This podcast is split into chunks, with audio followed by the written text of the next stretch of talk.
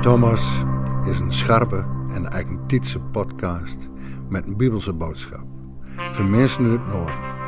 In de Stiefke Tierke kreeg van Domi PK een derde weekse podcast mini-preek met goede muziek. Thomas wil behulpzaam worden bij het leren kennen en het navolgen van de man van Nazareth. In een tijd dat door Horst droods verwedden moest.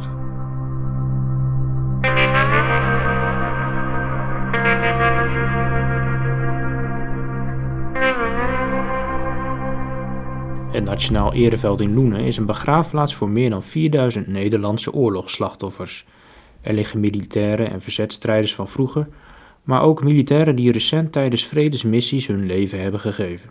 In de Witte Kapel op de begraafplaats liggen daarnaast 40 gedenkboeken met daarin de namen van de 125.000 Nederlandse oorlogsslachtoffers waarvan de graflocatie onbekend is.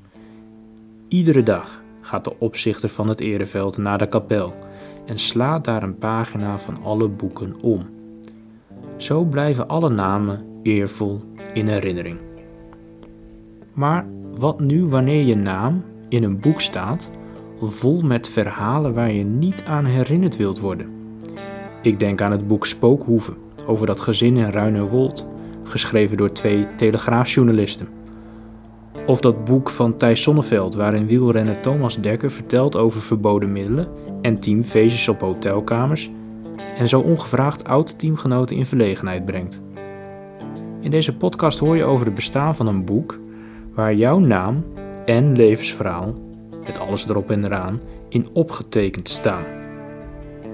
En je zult merken dat dat bij dit boek niet een beangstigende, maar een geruststellende gedachte is.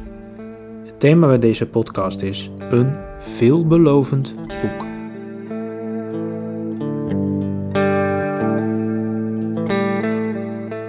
Voor de muziekmeester, op een wies van Stille Duif van Verre, van David.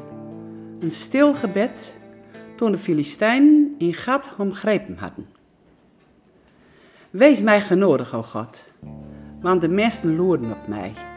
De hele dag deur brengt strijders mij in het nauw. Mijn vijanden loeren de hele dag. Verscheiden strijden tegen mij, trots als ze ben. Op het dag dat ik benauwd ben, vertrouw ik op jou. Op God. Zijn woord prijs ik. Op God vertrouw ik. Ik ben niet benauwd. Wat zal een mens mij aandoen? De hele dag gebruiken ze woorden die zeer doen en ze bedenken kwooie dingen tegen mij. Ze vallen aan, ze loeren. Ze gaan mijn gang nu, ze loeren op mijn leven. Ze zullen hun straf toch niet ontlopen? Loot je gremietigheid zien, God, en slo ze del. Mijn omstruinen hem je optekent. Giet mijn troon in je kruk. Stijt alles niet op je boekrol? Op het dag dat ik roep, zal mijn vijanden uitnaaien, want dit weet ik, God is bij mij. Op God, zijn naam prijs ik. Op een Heer, zijn naam prijs ik. Op God vertrouw ik, ik ben niet benauwd. Wat zal mens mij aandoen? Aan jou, o God, heb ik beloftes doen. Met dankoffers zal ik jou betonen. Je hebt mijn leven red van de dood mijn voeten bewolkt verstrukkelen, zodat ik voor jouw ogen wandelen kan in het licht van het leven.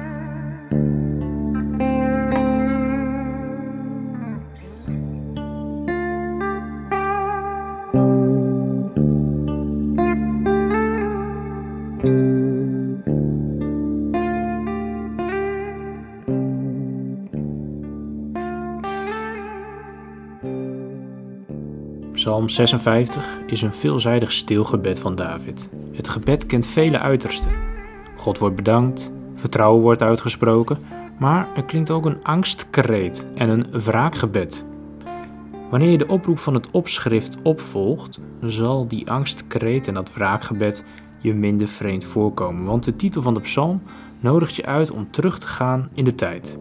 En wel naar het moment dat David op de vlucht is voor koning Saul en politiek asiel aanvraagt bij de aardsvijand van Israël, de Filistijnen.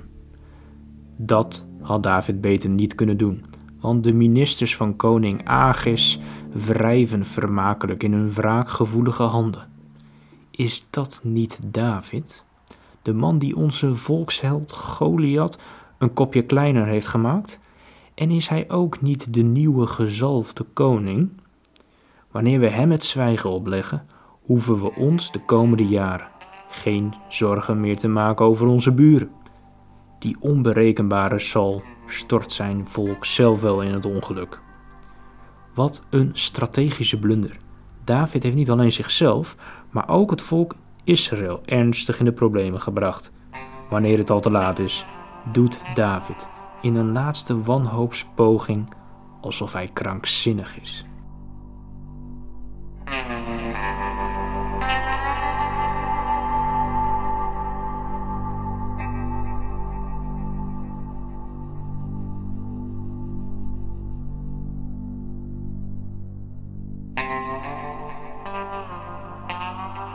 Dit is het moment in het verhaal waar het liedje hebben wil. Het leven van David en de toekomst van Israël hangen aan een zijden draadje. Van de heldhaftige, avontuurlijke herdersjongen en voortvluchtige staatsvijand is niets meer over. En juist op dat dieptepunt gaat David door de knieën. Wees mij toch genadig en kom mij alstublieft te hulp. Maar wat heb je op zo'n moment nog aan God? Wat kan Hij nog voor je doen wanneer je jezelf zo in de problemen hebt gewerkt? Toch is er iets wat David biddend herontdekt, wat hem op de een of andere manier overeind houdt en hem zijn angst zelfs doet verliezen. Ineens herinnert hij zich het woord van God. Maar wat bedoelt David in deze psalm met dat woord?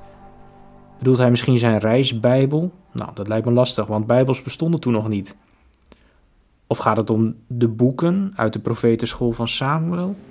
Of een boekrol uit het heiligdom van priester Achimelech en Nob? Nee. David houdt zich hier vast aan de woorden die God via Samuel tot hem gesproken heeft. Dat is wat David hier bedoelt met woord. Toen de profeet hem de handen oplegde en zalfde, sprak hij woorden over zijn toekomstige koningschap. David, functie elders. Dat is de belofte van God waar David zich hier in dit bange uur aan vasthoudt.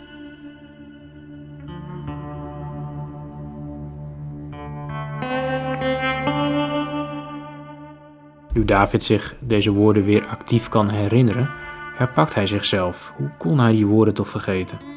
David omschrijft zijn hervonden geloofsvertrouwen met twee prachtig ontroerend mooie beelden.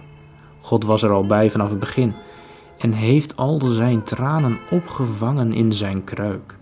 En, volgende beeld, hij heeft al zijn omzwervingen opgeschreven in zijn boek. En daarmee staan ook de woorden van Samuel met onuitwisbare inkt opgetekend in de hemelse administratie, alsof een van de engelen, net als in Loenen, iedere dag in de witte kapel in de hemel bladzijde omslaat van alle veertig boeken, zodat jouw en mijn naam en die van David regelmatig tevoorschijn komen. En God de beloftes voor al zijn geliefde kinderen één voor één voorbij ziet komen en nooit meer kan vergeten.